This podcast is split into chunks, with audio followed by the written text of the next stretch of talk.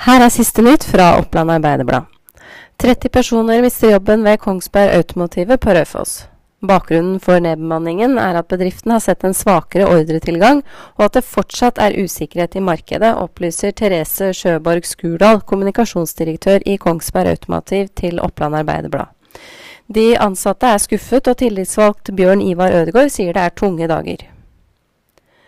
To personer fra Raufoss og en fra Hunndalen ble skadet i en kraftig kollisjon på E16 ved Nannestad torsdag kveld. Ifølge politiet skal en bil først ha kollidert med en elg, og deretter med en møtende bil. En mann i 20-årene er livstruende skadet. Det er fortsatt uklart om hvilke partier som skal samarbeide i Gjøvik, Østre Toten, Vestre Toten og i Nordre Land. I Gjøvik opplyser Ap at Senterpartiet har brutt forhandlingene, men dette avviser Senterpartiet. Etter det OA erfarer, har Ap gjort en henvendelse til Frp om mulig samarbeid. Det siste fra Nordre Land er at bygdelista er godt fornøyd med samtalen med både Ap og Senterpartiet, men at en avklaring ikke vil komme før neste helg. Og Fyrverkeriet kulturhus var i kveld fullsatt da skiløper Vetle Tyrli debuterte som standup-komiker.